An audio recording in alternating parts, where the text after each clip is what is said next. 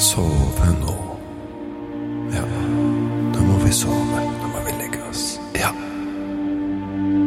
Vi må legge oss nå.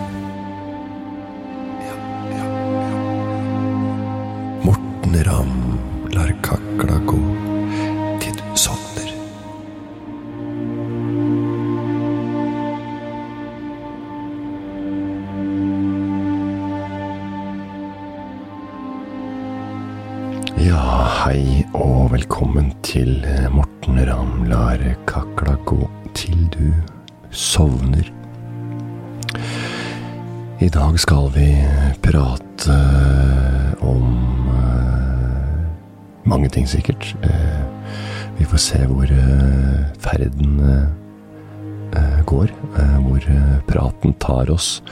Og eh, jeg kan garantere én ting, og det er at det blir eh, kjedelig å høre på. At det blir forferdelig kjedelig å høre på at du skal sovne til stemmen min. Eh, Jeg har vært innom så mye prat om forskjellige ting når det kommer til ting å sovne til, men eh, jeg har vært innom drømmer, og barna mine sine drømmer. Jeg har vært innom venner av barna mine sine, mine sine drømmer.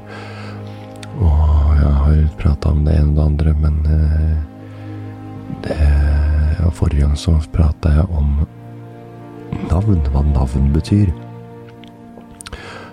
Og noe i samme kategori der, det er, øh, det er horoskop. At horoskop betyr noe som eller sier noe om hvilket hva slags menneske du er, personlighet, og hva slags øh, styrker og svakheter du innehar med å være født i et eller annet tegn. da. I tyren, væren, krepsen, skorpion, tvilling, løve, jomfru osv. osv. videre Så man tenker at eh, jeg er en person.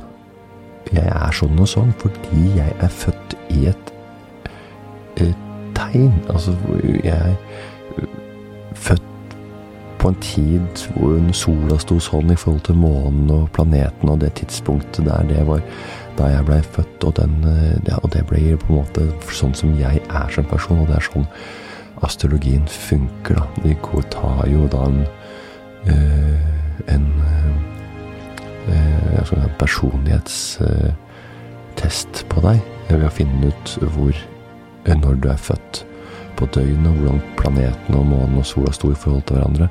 Og, ja, og mye sånt forskjellig drit. Og det er veldig kjedelig å høre på folk som har horoskop. Kan være artig å høre på det, men når du, når du kommer til folk som tror på det 100% som lever etter det, og som ikke er sånn Ja, det er gøy med horoskop, og mye av det treffer, og ha-ha-ha, det var veldig artig, for det sto at eh, det og det hadde skjedd, og at jeg er sånn og sånn, og det kan stemme til tider, det, og det, er artig, det, men, eh, men det er jo ikke sånn at det, det er jo ikke sånn at det treffer eh, alle, og nå kommer folk sånn Du har alltid vært sånn, og det er krepsen er sånn. Altså, Horoskopet beskriver deg som person, som styrker og svakheter, som sine sterke og svake sider. Eh, Hvilke muligheter du har, talenter, hvilket potensial som ligger til rette for at du skal klare å eh, nå de målene du setter deg. Ja, det er jo sammenlignbart med en personlighetstest, det er bare at det er grunnlaget som er eh, forskjellig. Så bakgrunnsstoffet fra personlighetstesten er jo da at du svarer på en del spørsmål som har noe med deg og ditt liv å gjøre. Og mens her er det bare fingeren i lufta opp i verdensrommet, ute i stratosfæren, eh, eller ozonlaget, nei, i, i eh, langt ute i verdensrommet, rommet, rymd, rymden. Eh, og det er, det er kanskje det som fascinerer mest, da. At det er en litt sånn utradisjonell vinkling og innfallsvinkel i et menneskets syke og livsfase som, som ikke helt kan forklares, men som ofte da føles at det treffer. Eh, ja, og det er, ja. Og det er jo mange som bruker dette her ofte hvis det er slutt med typen dama, og det er, eller man står ved et veiskille, valg, det står vanskelig, det er litt bumps and ride, bumpy ride i livet, så kan det være vanlig å da å eh, ty til utradisjonelle eh, utradisjonell hjelp, da, og astrolog da er kan hjelpe deg. Altså, det er ikke akkurat spåkone og tarotkort og alt dette her, men eh, det er jo ha et, eh, ja, et tydeligere grunnlag, utgangspunkt, enn akkurat det å bare stikke fingeren i lufta og, og si litt hvordan at neste uke så kommer du til å få kjeft av sjefen, liksom. Det er ikke så enkelt. Men det er jo Ja, du kan i hvert fall lese om hvilke muligheter som finnes, og men avgjørelsene, sånn som du leser framover at året ditt kommer til å bli sånn og sånn, så veit du at dette kommer til å bli vanskelig, så sånn kan du jo gjøre endringer. altså Eh, så hvilke muligheter du vil bruke, tar du jo selv. Altså det valget tar du selv. Og det er jo egentlig bare sånn at man ofte kjenner seg igjen når man leser om hva kjennetegner en dyr. Eller fisk. Og det har folk gjort i alle, alle år. Altså, å, jeg, jeg, er født i, i skorpionen, og jeg kan være sånn kort lunte og liksom angripe litt, akkurat med sånn som skorpionen gjør med, med halen. Og ja, så skal det liksom hvor så treffer liksom på dyret, da, krepsen på en måte er bakt skallet, så er det myk, et, et, bløtere indre, som noe som gjenspeiler personligheten til denne personen. Men det er jo, er jo Nå er det jo, går jo ikke det heller lenger, for nå jeg for eksempel trodde jeg var født i krepsen, men nå er det jo kommet et nytt stjernetegn. For et par-tre år siden så kom det et, et, et nytt stjernetegn. Det var vel tolv stjernetegn før, og nå har det kommet et nytt et. Og det endrer jo helt hvordan horoskopet er eh, delt og inn, så det blir jo enda mer eh, enda mer eh, rør, for nå har jo slangebæreren kommet inn. da. Altså, det er jo det er helt utrolig at man skal liksom Og da er jo Det er jo ikke noe vitenskapelig belegg for å si noe om hvorfor jeg er sånn som, eller du er sånn som person, du Og det er veldig kjedelig å høre på at det der. Og det har vært en test, langt, stor test for mange år siden, et helt menneskeliv, hvor de tok utvalgte personer som var født helt på samme tid, eh, på samme sted, på samme sykehus, også i London, og fulgte dem fra 50-tallet og fram til i dag. Og de skulle da, i forhold ifølge horoskopet, bli helt like. Men det ble det ikke. De ble dritforskjellige. Det var ikke noe med det der å gjøre i det hele tatt. Det er sånn som mutter'n kan lire av seg. Altså bare har lest horoskopet ditt og Det er jo bare svada. Det funker jo for alle. Det kan stå noe sånt som der. Du nå i neste måned kan du oppnå ros og anerkjennelse og belønning for vel utført arbeid. Altså, jeg har jo faktisk stått på litt, og du kan være arbeidsledig, og så kan du ha stått på og søke jobber, og nå kan du endelig få jobb, eller, og du blir lagt merke til uh, autoriteter. og så kan det være hva som helst. Det kan være snuten, for den saks skyld, som, som uh, legger merke til deg når du fyrer av noen raketter bort på uh, Keiserløkka på Tøyen der. Så, og, noen, og noen kan også Du kan få en ny posisjon på jobben, privat. både profesjonelt og privat. Det er og du kan eh, tenke at det kommer, det kommer nye jobbtilbud, kan ligge rundt eh, hjørnet. kan også. Og penger i sikte, står det ofte. Eh, du blir samboer eller knytter sterkere bånd med en spesiell person. Ja, det kan stå. Knytter sterkere bånd med en spesiell person. Alltid. Er du på en jobb, så kan du samarbeide med noen, eller er det privatliv. Kanskje du går tur med bikkja, så knytter du bånd til en eller annen som du møter hver dag, eller ute på byen, for den saks skyld. Knytte bånd med en spesiell person, det er veldig sånn, veldig rart. å si spesiell person. Knytte bånd med noen, da. Og eh, så er det mer bare sånn svada som ikke man skjønner noe av, bare sånn Din posisjon og dine livsmål belyses, og du kan nyte godt av det mens du har oppmerksomheten i din hånd. Eller noe kødd. Sånn. Grip mulighetene. Det er du som eh, kan gjøre livet, høsten, bedre dersom du velger å ta del i din egen situasjon mer enn før som noe du kommer til å uh, få bidrag til av andre. Det er bare rør. Jeg sier bare sånn Ja, ja, faen, jeg, du plukker dem ut noe av det som er riktig, og så sier de ja, det var riktig. Og det, er, det kan være masse som er feil, men det var noen ting som er riktig, og da tar de med seg det. Men det var som sagt, for to-tre år siden så blei det jo alt enda så Så om du har lest riktig horoskop, og lest riktig for deg, så har du lest feil. For nå har det kommet et nytt stjernetegn som har fucka opp hele systemet, og det er det, er det, det tegnet som jeg snakka om i stad, det trettende, trettende tegnet. Det er slangebæreren. Og det begynte sånn. Det kom på slutten av året. Begynner i slutten av desember, i desember og går ut over nyåret eller noe sånt. Husker ikke helt. Og det betyr at det er en haugevis med folk som har lest horoskop, som har trodd på horoskop i lang tid. De har bytta, bytta horoskop. Det er jo 70% av hele verdens befolkning som har uh, horoskop og trodde at det her var noe som ga mening, men så har det jo bare vært svada og kvakksalveri fra ende til annen. For det, du er jo ikke det tegnet likevel. Og jeg er ikke kreps lenger nå. Litt kaffe. Kaffeslurk. Jeg er ikke kreps lenger, jeg nå. Og ikke sånn omsorgsfulle og greier. Bak den, der, bak den harde fasaden er det et mykt indre som ofte har vært krepsen. Da. Og jeg er ikke det lenger, jeg. Jeg var jo født i krepsen. Jeg er tvilling, jeg nå. Jeg er tvilling, jeg nå. Det er ikke kødd. Jeg fant ut det for litt siden. Eller for to år siden, da de jækla greiene kom ut. At det har kommet nye horoskopperioder. Uh, tidsperspektiv, eller måleperiode, eller fase, eller hva de kaller det. Og det var sånn når, Før så passa jeg best sammen med fisken og jomfruen og tyren, eller noe sånt. Tyren. Eh, og nå plutselig altså da, Nå er jeg ikke det lenger. Nå er jeg tvilling. Eh, og nå er jeg plutselig så står det når jeg stiller for litt siden, du er god til å flørte og lett å date, men vanskelig å bygge et langt og seriøst forhold med Altså, jeg har jo vært et, et langt og seriøst forhold, så det stemmer jo ikke, da. Men er det noen som kan holde din interesse? Er det, noen, er det de som trollbinder deg med sine ord? Ja, men, alle som er underholdende å høre på, eh, pleier jeg å ikke bli trollbinda med, så det er artig å høre på. Jeg syns det er egentlig greit å, prate sjøl også, som jeg, som jeg legger merker til. Og jeg passer jo ikke med, så passer jeg ikke med Tyren lenger, som jeg er sammen med. Jeg er sammen med en tyr, men nå husker jeg ikke om hun er tyr lenger, men jeg tror, hun holdt, jeg tror ikke hun er tyr lenger heller. Så kanskje hun gjør noe annet. Kanskje passer det ikke her. Men jeg tror du er tyr, faktisk. Så nå passer jeg best sammen med vær og vekt og sånn. Vannball eller noe. Nei. Jeg passer ikke med tyrling, jeg nå. Jeg må slå opp, jeg nå. Slangebæreren fucka opp alt. Du har vær og tyr og fisk og tvilling og løve, og så kommer slangebæreren og kødder opp alt. Hva er det slangebærer for? Jeg har ikke peiling på det.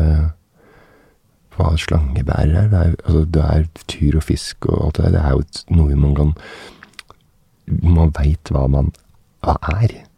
Noe som du kan eh, stikke på en fuckings gård og se? Eller stikke til akvariet i Bergen, eller botanisk eh, Eller reptilparken i Oslo og kikke på disse dyra her, ikke sant?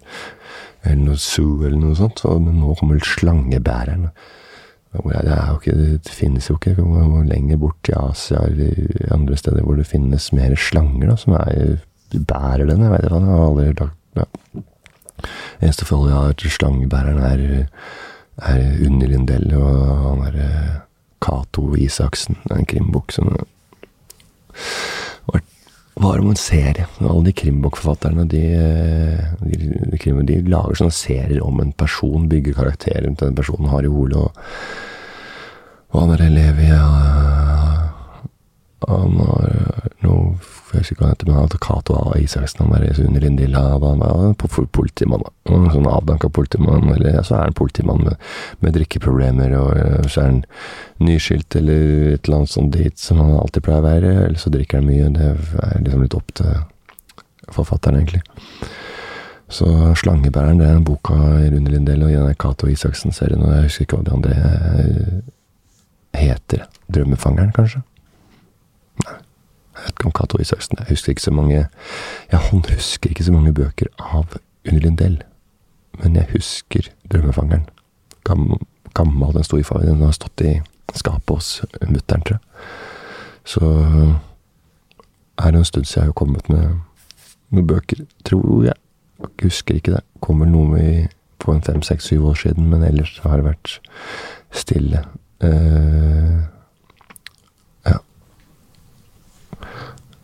Nei, uansett. Uh, den har blitt filmatisert, tror jeg også, den der slangebæreren. Det er jo egentlig ett fett, da. Nei. Uh, horoskopfolk, da sitter du liksom med en kunnskap om hvordan ting er, men det er, ikke, det er ikke riktig for alle. Du kan like godt komme med fasiten på hva som er en bra serie eller en vin, eller du burde kjøpe Ford. Det er den beste bilen. Hvorfor, hvorfor selges ikke det bare Ford, da, om det er den beste bilen? Sitter med fasiten da, med horoskopene og så rare greier, egentlig. At én person skal ha så peil på alt. Du må ikke finne på å kjøpe den eller den. Her kjøpte du den TV-en. Den fra Samsung er mye bedre. Det er så mange som sitter på svaret om hva som er riktig for deg, og mange som tenker at hvorfor gjør ikke de som vi gjør? Det er jo best. De har det veldig stygt inne. Hvorfor pusser de opp sånn? Det er ikke noe fint å ha kjøkkenet sånn. Jeg ville jo heller gjort om på badet og laget det større og hatt kjøkkenet litt annerledes med den øya de er òg.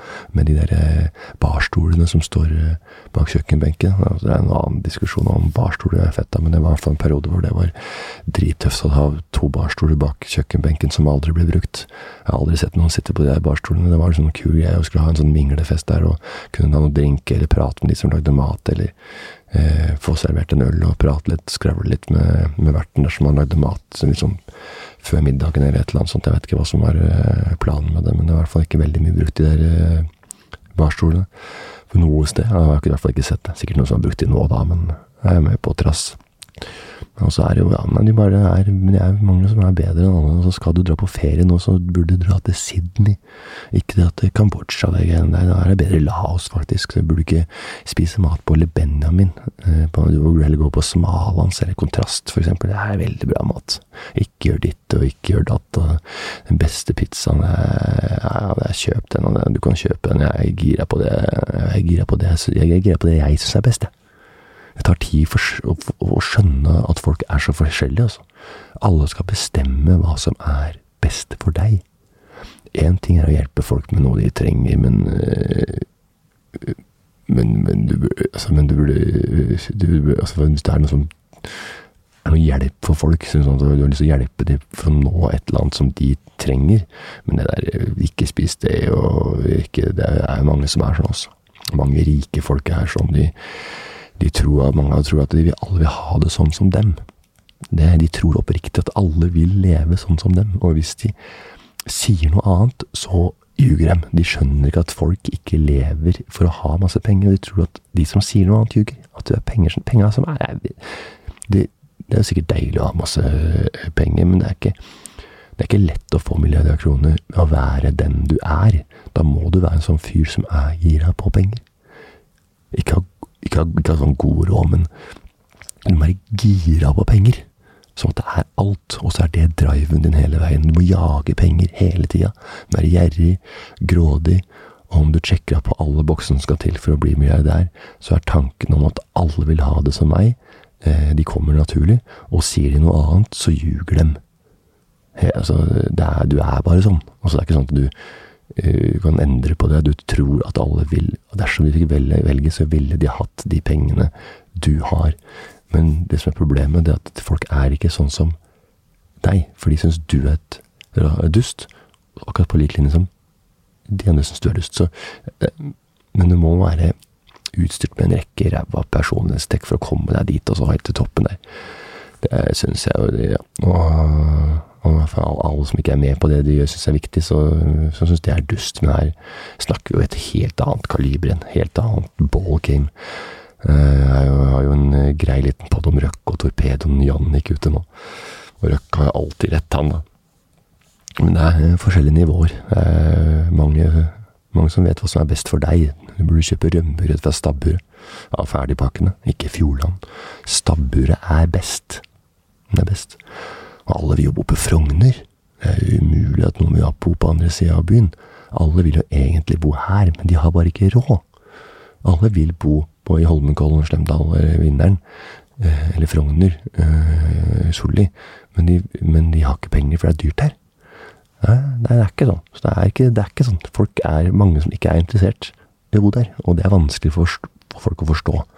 Eh, og det er også vanskelig for folk å forstå som folk som bor på Tøyen, Lørensinsen om at uh, det er så veldig viktig å bo på Frogner. At det er riktig. Ullevål. Skal du til Nice, så dra på den kafeen der, og i Paris så drar du på uh, Benedicte, om du er glad i Eggs Benedict, da. Hæ, liker du ikke Eggs Benedict? Det er det beste som fins. Syns du dim sum er godt? Hæ, what? Det er jo ikke det. Det er jo, godt med, med dim sum fra Taste of, Taste of China nede i sentrum, eller uh, Golden Chimp. Som Golden Chimp, som er uh, drevet av eh, en aldri så liten eh, en Robin der, som er dyktig kokk, som var på Golden Chimp, som var på hitchhiker tidligere, og til før det Strand. Så han har hatt en fantastisk reise med egne steder. Ja, men det er så mye fasit der ute, altså. Alle sitter på svara. Jeg er med og, og, dra lasset i sånne større, overordna saker, altså hvor det kreves en slags omveltning i samfunnet når det kommer til holdninger. Eh, osv. og korona. At det er viktig at alle gjør det samme. At, an, at det kommer samla råd, så vi kan prøve ordentlig hva som funker, så det ikke kommer noen som fucker opp. For da må man jo stå sammen som et lag for å sjekke om det funker eller ikke. For det, vi prøver å retningslinjer i landet, men folk gir jo fullstendig 360 fuck you når det er vinterferien og påskeferien og juleferien kommer, så da glir jo ut, så ser jo at det her ikke, ikke går. Men det beste hadde vært om alle kunne gjøre som de ville, men da hadde det jo ryket med noe voldsomt med mennesker. Så jeg skjønner at folk har lyst til å ha frihet og syns at det er vondt å se venner som sliter i en sånn tid som dette her, men eh, det er for å holde at folk, rett og slett dødsfall nede. Folk ikke dør, rett og slett. Men det kommer med det er mye eh, tips om den beste ølen er korona eller Peroni, eller eh, det er noe IPA, mango-IPA, punk-IPA Men du er, om du er ny i New York, så, så, må du ikke dra dit. Du må dra dit. De har Manhattans beste GT. Du må dra dit. De har verdens beste GT. Den er helt syk. Ja, har liksom, jeg faktisk fått tips om en gang. Og det var helt sinnssykt å høre på. Så, altså At jeg måtte dra på et spesielt sted for å få Manhattans beste GT. Du må dra dit. Det er sikkert mange gode former for GT, men at det er ett sted som da denne personen veit om, som har den beste GT-en på Manhattan, det er kjedelig prat å komme inn på, altså. Ikke akkurat tipset. Greit å få et sånt tips, men du vet det kommer mye kjedelig prat for en som lirer av seg noe sånt. Det kommer en hal av uh, greier uh, innafor et felt som ikke engang er prata om før vedkommende slenger det på bordet. De legger vedkommende. Jeg sa det, men jeg hadde ikke å rette opp i meg sjøl, men jeg, jeg sa vedkommende. Vedkommende. De legger opp til egen smash. Altså, du, har en, du, har en, hund, en schæfer eller cocker spaniel, og folk snakker om hunder eller kjæledyr som kan være dørgen i seg sjøl. Men, men når praten faktisk går i hunder, så er det jo greit, men så kommer denne typen inn og bare uh, Hunder. Hitler likte hunder. Og da er det i gang, ikke sant. Å, herregud, da er det i gang. Hitler likte agility-trening. Han kan liksom alt sånn mm, Du kan hive ut på Han har ikke hund sjøl, men han kan jævlig mye om eh, hunder og greier. Så han drev med agility-trening. Han eh, elska bikkjer, og så, så vips, så sitter han og prater, og ikke bare om Hitler, men om andre verdenskrig, og en hel haug med trivia og fun facts som er jo mer underholdende hardt også, men, men for han er jo ikke en kjedelig fyr, selv om han kan alt av historien om Det tredje riket, og visste at, uh, visste at Adolf Hitler var født i Østerrike, og han gikk på kunstskole og var vegetarianer og elska dyr, og hadde en bikkje, han også, som han med, som et blondie. Ja, ironisk nok blondie, eller ikke ironisk nok, det var, jo het det fordi han satte pris på blonde menneske. Jeg kan jo sette pris på litt trivia, jeg også. Det er jo nesten det denne podkasten handler om. Å bare kakle løs og la den gå, og bare starte og ikke veit hvor det ender. Men alltid sin tid. Og jeg kakler jo om ulike temaer osv. for å få folk til å sovne. Så nå kunne ikke timinga vært bedre, egentlig. Jeg skal jo snakke om kjedelige ting, men når denne type prat kommer i et vanlig sosialt lag, skjønner, skjønner at du får, for en, Da skjønner du at du får en meget unfunny evening with the crew. Kan ikke sitte i et selskap og nærmest rekke opp hånda og kremte og ta sats, for nå kommer det noe veldig viktig. Og det som jeg nå skal fortelle, det er nok ikke mange av dere som vet noe om.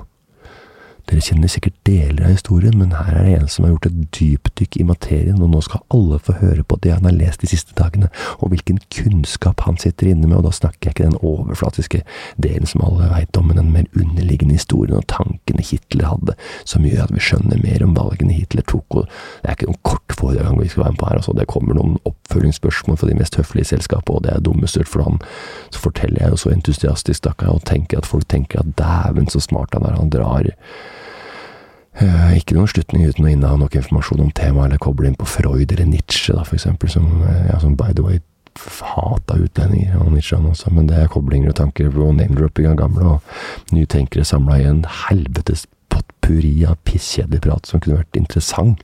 Det kunne det. Men vi har ikke prosjektor og PPT og keynoten som du gjerne skulle hatt med deg for å vise hele gjengen her at interesseområdet ditt når litt lenger og breiere og dypere enn folk flest. Man kan ikke få sagt nok glupe ting. Så folk kan gå hjem da, etter han er ferdig, og tenke at denne fyren, han er reflektert. Han er meget oppegående. Intellektuell. Belest. Eller hvilke adjektiv han ønsker at folk skal sitte igjen med.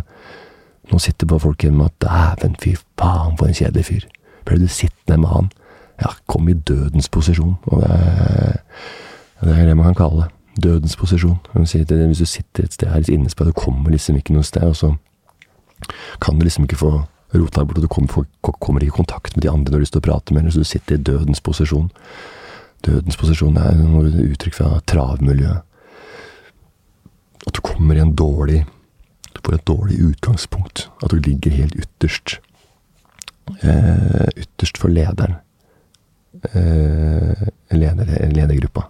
At du ligger helt på ytterkant. Eh, for da blir du trukket tilbake. Eh, så ja. Jeg veit ikke helt hvorfor det er det, hvorfor det er dårlig. Jeg tror det er pga. at det er luftmotstanden som gjør hesten sliten, at du får en brems, at, går, at du egentlig skal ligge bak og dra, istedenfor å ligge ute, for da får du den der motstanden. Ja, trav er ikke det morsomste å høre på heller, men uh, her kommer jeg ikke på noe så mye å prate om heller. For det eneste folka veit om når det kommer til hest, er, så er det gamblinga som er i fokus. Det er klart det er sikkert noe med stell av hester osv., men når alt kommer til alt, så ser folk på trav for å vinne penger. Jeg har i hvert fall ikke møtt en eneste som har sett på trav for sportens skyld. De har akkurat satt en bong. Det er V6, Rikstoto, V75, og der må du ha riktig syv løp eller noe. Eller, for å dra hjem storpotten. Må ha riktig syv løp. Noe som mest sannsynlig ikke skjer da, men det er spillinga som drar traventusiasten også. Ingen som drar på trav for å se trav fordi de er interessert i travsporten. Det er for å tjene penger på gambling. Og så, så kan du kjøpe hest, da. Det er mange som prøver seg på det også. For å treffe gullfuglen. Eller hesten, da for å kunne selge videre eller eh, dra inn masse cash, men mest sannsynlig så gjør du ikke det, da. Og da blir du så frustrert til slutt. Tjener ikke noe penger på verken spill eller egen hest, så blir med på noe rigga løp og noe juks eller doper ned hesten som ikke hadde noe talent herfra til måneden, og plutselig er du innblind og dit du ikke har lyst til, så er kommisjonæren, eieren av tippekiosken, med på dette, og så er du med på å dekke over han som kom med tipset, og det er et eh, skjørt system du har samarbeid med og et, eh, og et, byggverk som ikke står helt støtt og kan rase når som helst, for det er jo en spesiell type mennesker som er i det miljøet. Kanskje ikke hadde Ja, jeg vet. Ja, lukt litt Lukt litt camping av eh, hele greia, egentlig. Det lukter litt camping, og det skal vi Camping skal vi farge med å ta et uh, ta, komme inn på når vi går i gang med prat etter litt spa-musikk.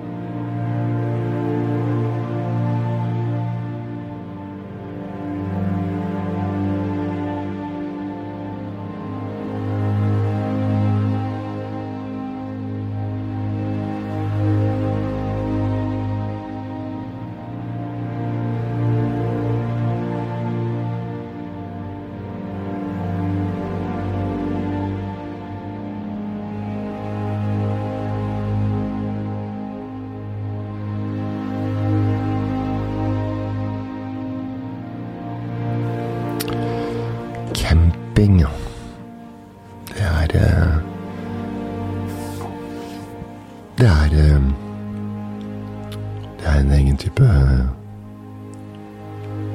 mennesker. Vi kom på inn på praten om camping før spamusikken.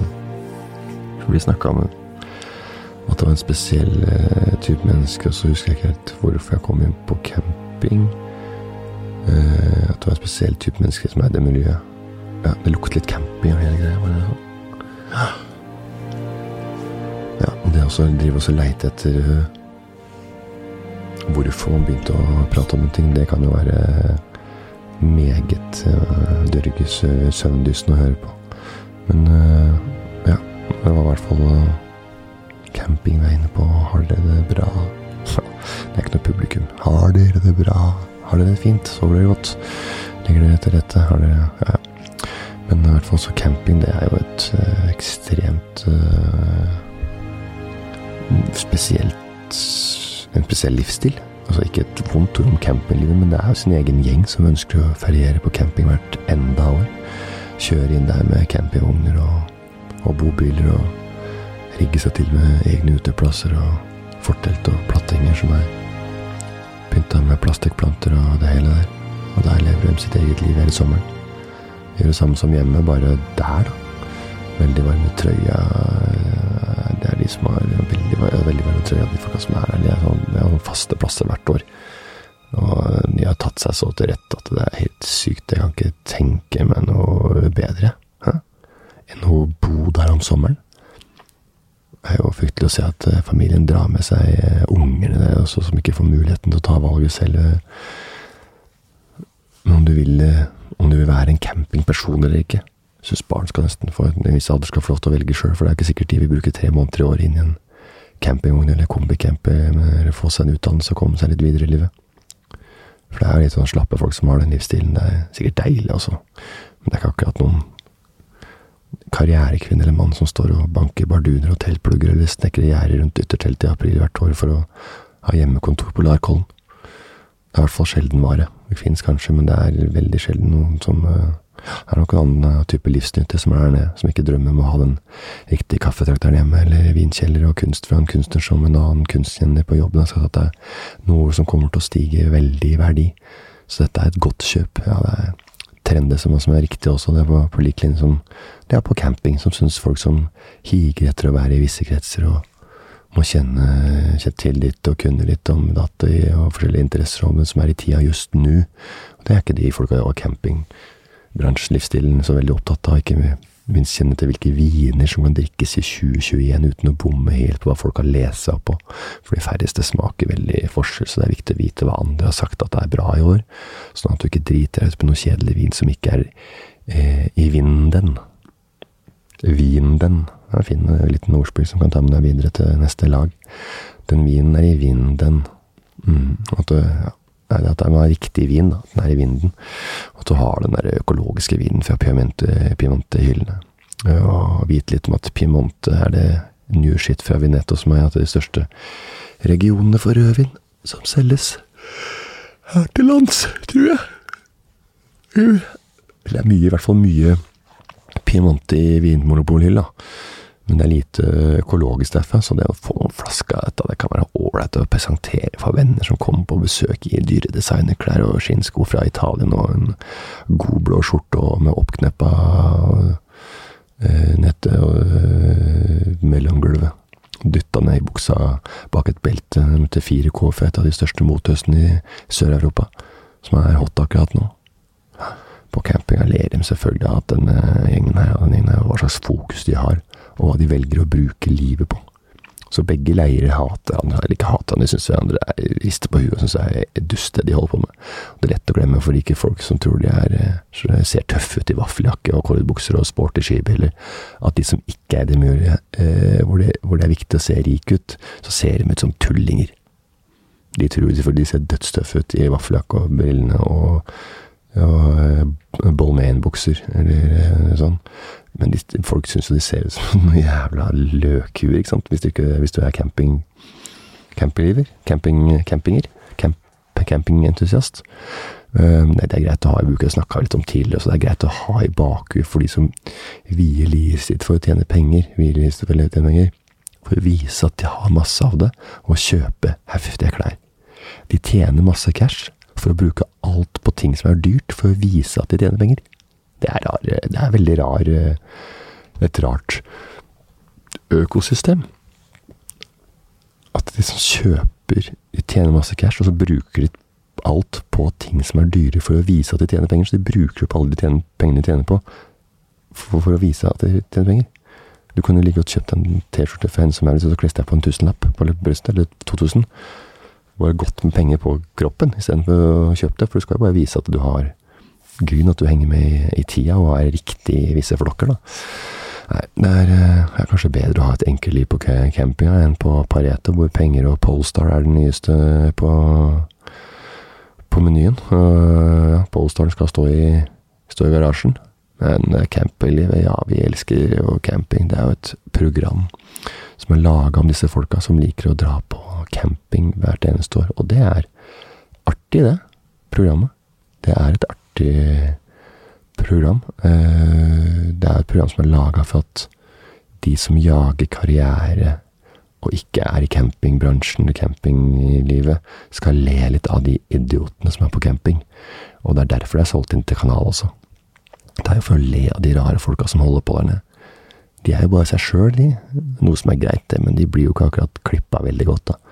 Altså De som sitter og klipper TV-programmene, det er jo ikke det som er ideen heller. At folk skal sette seg ned og tenke at disse folka de er rå. Nei, vi skal le av alt det dumme de gjør og sier, og hva de er opptatt av. For det er jo det som kanalen har kjøpt. De har ikke satsa penger på et konsept med helt vanlige folk.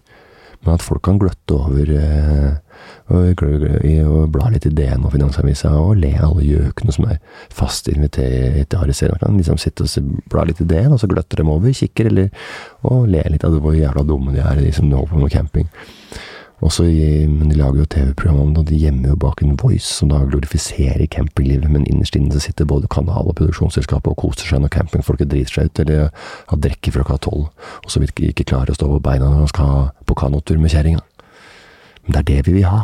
Det er det kanalen har bestilt, og jeg ler, jeg, altså. Men ikke kom her og si at sjefen for en TV-kanal lager dette for at vi skal sitte og tenke at wow, akkurat det ville jeg gjort også. Nei. Det er herregud for en gjeng, og det er sjukt at det finnes sånne folk. Og det er fint at vi er forskjellige, men de er jo helt ute og tuter. Og de er klippa sånn. De er, klapp, de er klippa dumme. At de skal være helt rare og skrudde i huet, og holde på med blattingene sine nede på nede på campinga. Så det er, det er, en del av, det er en del av gamet, det, da. Men de Men de også kom en sånn voice, da.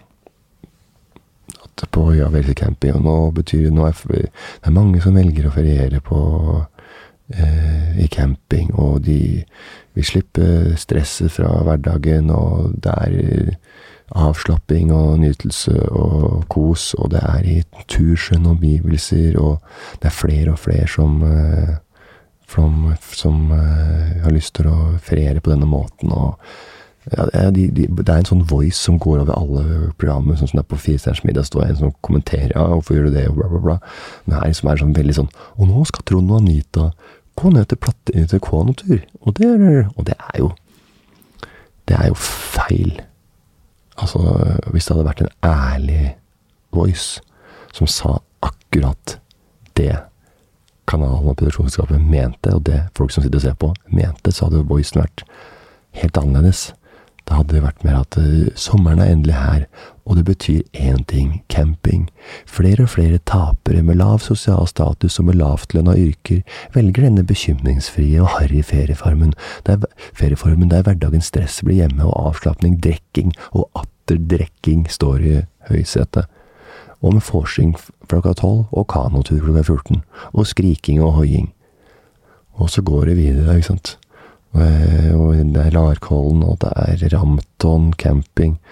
Eh, og, og, vi skal til Skibladner campingplass, og der ligger det Nå kommer voicen, da. Og vi skal til Skibladner camping, og i naturskjønne omgivelser er denne perlen et yndet oppholdssted for øltørste susehuer, hurragutter og gærne damer som bare kan dra på feriested der de kan være seg sjæl, og gi flatt faen i hva folk syns om dem.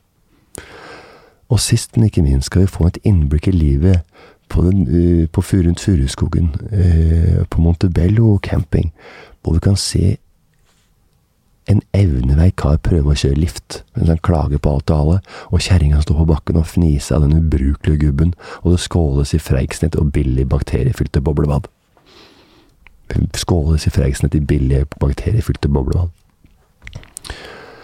Og sånn her går det, ikke sant. Så I neste episode får vi se Trond og Anita Eller ikke, Hans og vel Samme hvilket navn det. I neste episode får vi se den. Så det er mye å glede seg til For deg som vil se en realityserie med deltakere som ikke har peiling på hva de er med på, og som blir brukt av en kynisk TV-kanal, produksjonsselskap som herjer i klippen og gjør deltakerne så dumme og ressurssvake som overhodet mulig, så vi kan le oss i hjel. Om du elsker å se et program om campinglivet der de driter ut gjøkus som år etter år velger å tilbringe ferien med andre likesinnede suseladder som drikker godt over gjennomsnittet, og rører og klager og lager et helvetes show fra morgen til kvelds på de dustete plattingene utafor bobilen, eller vognene sine med countrymusikk og grilling av grisefette frokost, lunsj og middag, og røyking av blodprins og faens oldemor, så er det bare å glede seg til neste episode av Ja, vi elsker camping. Og det er jo Det er sånn det er. Vi har lagd program for at vi skal le av dem. Det er så enkelt det er. Det er camping og park og hele livet der. Og ja, park er litt annerledes. Så det sitter nede i Sofienbergparken her, og det er jo noe som er forferdelig kjedelig, det også. Nå ser disse her sjonglererne og Stella Polaris-gruppen som sitter og har, har, har sånne gjøgler gjøglershow fra tidlig morgen til langt utpå eftan med stram line og sjonglere baller og ha med De skyter sånn der Det er noen sirkusgjeng som spyr da flammer ut av munnen. Har med tennvæske, og så blåser de flammer ut. Og de har med sånne masse klovneting og sånn derre på linene med sånn Ikke sånn jojo, men sånn greie som du har på midten, så flyr de rundt der da med eh, snakeboard og blafrende klær som er uh, sydd i det formålet at de skal være frie og løse fugler som jobber med mindfulness og har vært på å reise til Goa i India for å finne seg sjøl, og har tatt med seg både tankene og interesseområdene som de hadde med likesinnede backpackere der nede, og opp til Sofienbergparken og rigger til med den forbanna gjøgleparken der oppe, akkurat som de gjorde på stranda i Goa, hvor de eh, satt og sjonglerte og hørte på noe industriell reggae. Eh, og røyka fjoninger og skrattpinner til de blei sausete opp i eh, toppetasjen og kom rett og slett i en annen boble. Nå har vel mer eller mindre sannsynligvis ikke kommet seg ut av den bobla heller, men det er eh, fryktelig varianter å se. Også at det er gode altså Sånne steder skal liksom være sånn Jeg skal til Goa og finne meg sjøl. Eh, Goa og finne deg sjøl. Altså, det er jo et fint sted der i, nede i India, altså på vestkysten av India.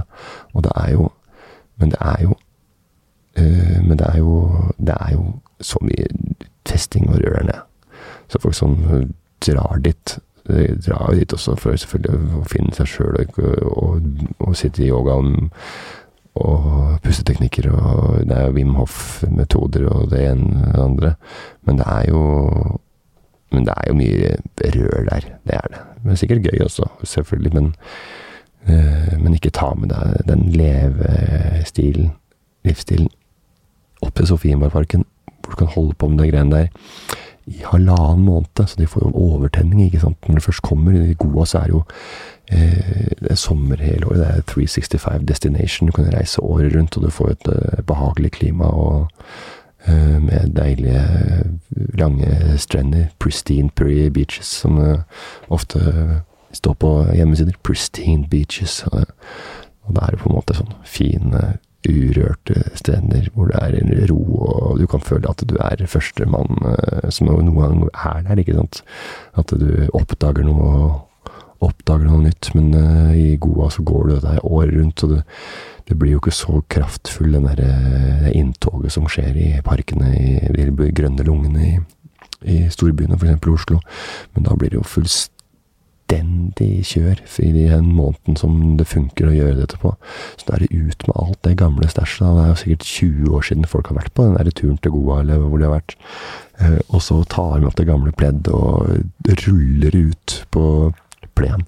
Og står og sjonglerer og gliser og og reggae og går over fra stram line til, eh, til eh, grilling på kvelden, og de er hele dagen ute i parken.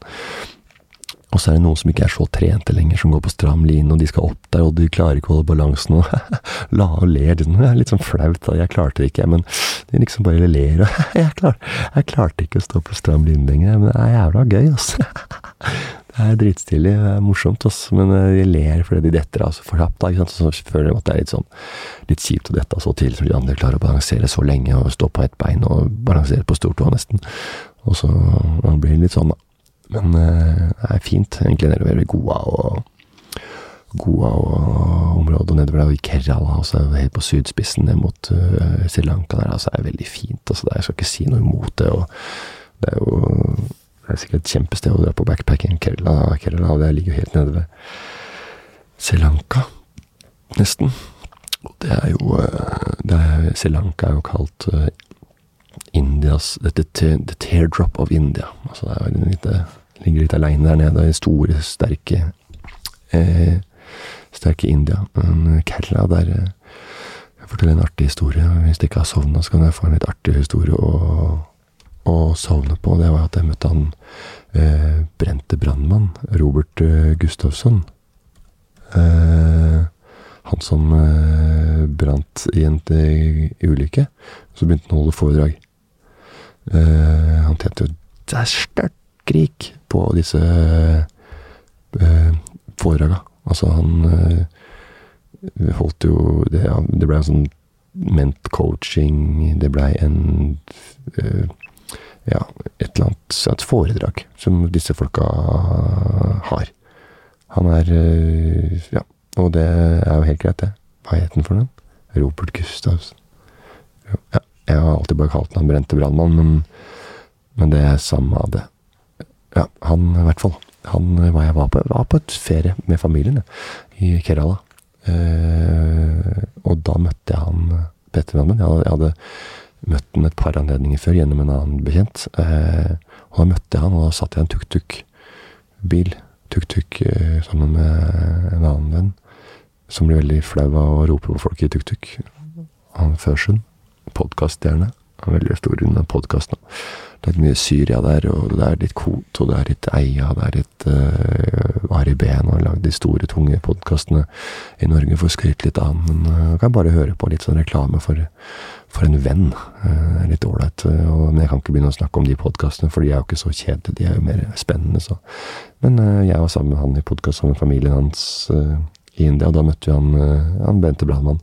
Så ropte jeg på han, og så måtte tuk-tuken snu. Han blei veldig han ble veldig, veldig veldig flau. For jeg begynte å prate med ham og sa hei, hei, hva gjør du her, og han på ferie og sånn. Og så fikk jeg også sagt at uh, du må passe på, passe på å smøre deg ordentlig, så du ikke blir brent. Det. Det var en vits, da. Jeg sa det ikke sånn for liksom, at oi, det bare slapp ut at det var feil. Jeg sa det som en vits. Men uh, Joakim syntes det var veldig forferdelig. Altså, ja. Det var akkurat en kjedelig historie at jeg ba om å han brente brannmann om å smøre seg for å slippe å bli brent. Men det var kanskje en dårlig spøk i manges ører også, men, eh, men, sånn var det. Og jeg har mange andre historier om reiser med Joakim som ødela en landsby når han skulle ta over en tuk-tuk, blant annet, til en uh, fyr. Men det skal vi ikke, den er for morsom til å sovne på. Han fløy i hvert fall tuk-tuk der og kjørte gjennom en landsby med tuk-tuken som han hadde lånt, for han sklei ut av veien og kjørte gjennom et bål, blant annet, og kjørte en lyktestolpe så han stoppa Eh, eller eh, slokka lyset i landsbyen.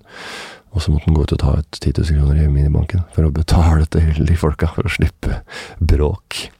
Eh, så det var en artig historie fra hans liv, altså, når vi først var inne på det. Men eh, det var ikke så veldig kjedelig. Men eh, nå skal vi faktisk bare slappe av og tenke at vi er på en, en en litt sånn tranquil, tranquil sted, med pristine beaches, og at man er på en yoga-retreat. Og det er jo ikke noe som er bedre enn å være på en yoga-retreat. Altså, for det er Det er så deilig sikkert å være på en ferie hvor du kan, når du virkelig skal slappe av, og får muligheten til å slappe av. Og sitte der og Eh, drive og tøye kroppen, mindfulness, komme inn i deg sjøl og høre havets brus fra morgen til kveld.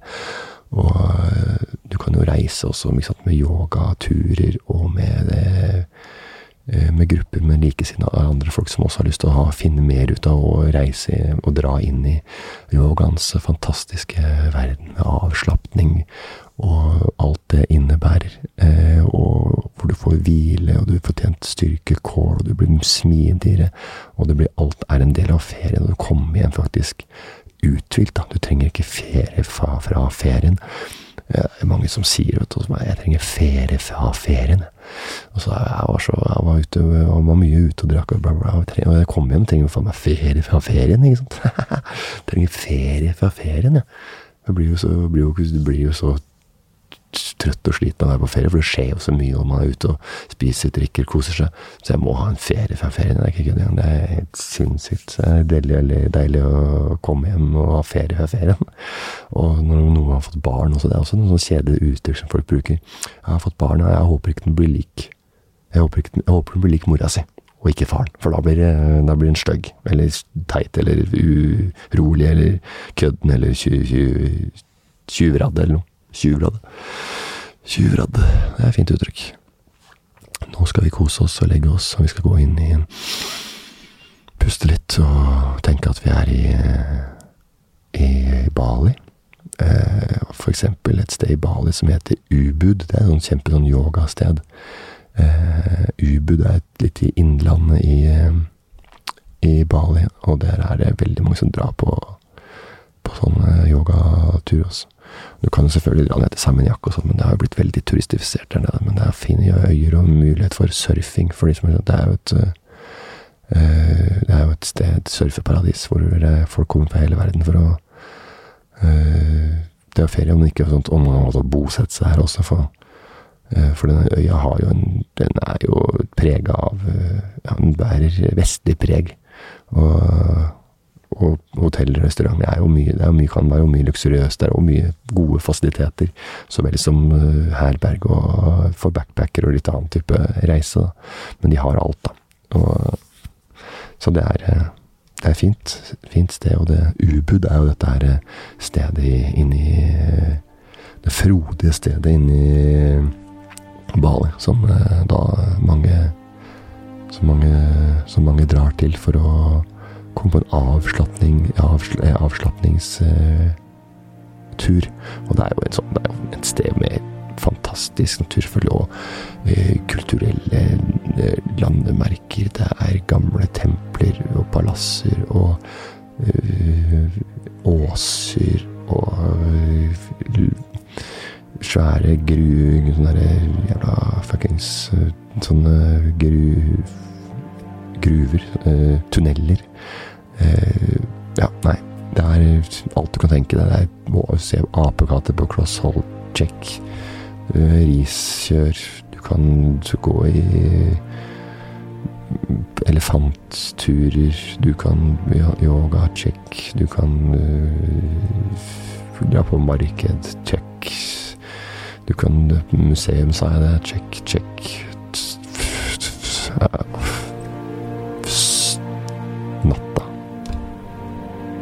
вот.